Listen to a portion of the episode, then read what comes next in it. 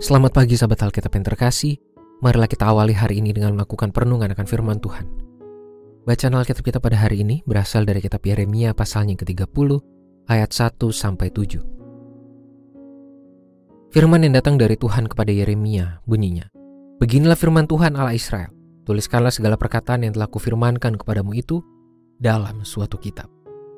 Sebab sesungguhnya waktunya akan datang, demikianlah firman Tuhan, bahwa aku akan memulihkan keadaan umatku Israel dan Yehuda.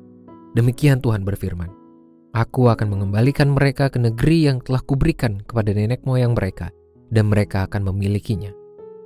Inilah perkataan yang telah difirmankan Tuhan tentang Israel dan Yehuda. Sungguh, beginilah firman Tuhan.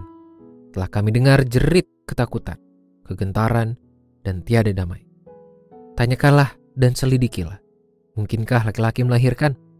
Mengapa setiap laki-laki kulihat menaruh tangannya pada pinggang seperti seorang perempuan yang melahirkan?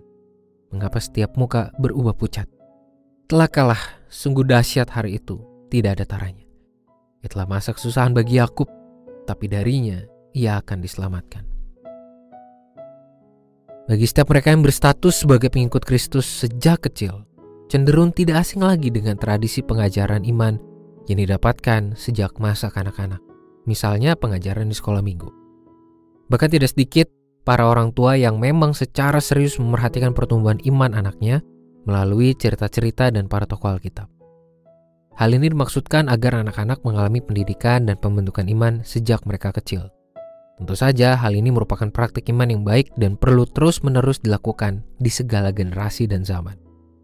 Perintah Tuhan yang muncul pada perikop ini telah menunjukkan bahwa tradisi pengajaran firman Tuhan merupakan sesuatu yang memang sudah mengakar dalam hidup umatnya sejak ribuan tahun yang lalu. Hal ini bahkan sudah terekam secara eksplisit melalui catatan Nabi Yeremia yang merupakan perintah langsung dari Tuhan. Yeremia mendapatkan mandat untuk membuat catatan yang terstruktur dan terencana mengenai seluruh perkataan Tuhan. Hal ini menunjukkan bahwa Tuhan memang ingin mendidik umatnya untuk tidak lepas dari akar pengalaman iman sehingga para generasi mendatang tetap dapat mengalami pembelajaran dan pendidikan iman melalui catatan tersebut.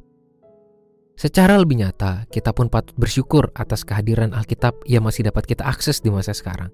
Kita perlu menyadari bahwa Alkitab merupakan catatan perkataan Tuhan dan berisikan kesaksian para umatnya di masa yang lalu, yang sangat berguna untuk pengenalan yang intim dengan Tuhan serta pembentukan iman yang kokoh kepadanya. Artinya, bukankah sebuah kekonyolan jikalau umat Tuhan justru menyia-nyiakan catatan perkataan Tuhan tersebut. Firman Tuhan yang kita baca pada hari ini tidaklah berhenti bagi umat Tuhan di era pembuangan ribuan tahun yang lalu, melainkan tetap berperan sebagai bahan permenungan, pengenalan relasi dan pembentukan iman yang efektif bagi seluruh umat di berbagai zaman. Itulah mengapa kita selalu perlu mengupayakan pembentukan iman yang berkesinambungan, mulai sedini mungkin dan tidak terhenti selama kehidupan kita tetap berlangsung. Marilah kita berdoa. Tuhan sebagai umatmu yang telah diberikan akses dan kesempatan yang begitu besar, yang begitu luas untuk menerima, untuk mendengarkan, dan untuk mengalami perkataan firman Tuhan. Tolong kami Tuhan untuk benar-benar meresponsnya dalam sikap hidup yang nyata sebagai bentuk ungkapan syukur dan keseriusan iman kami sebagai umatmu. Biarlah dan semoga kami terus bertumbuh menjadi umat yang setia. Hanya di dalam nama Tuhan Yesus kami berdoa dan menyerahkan kehidupan kami. Amin.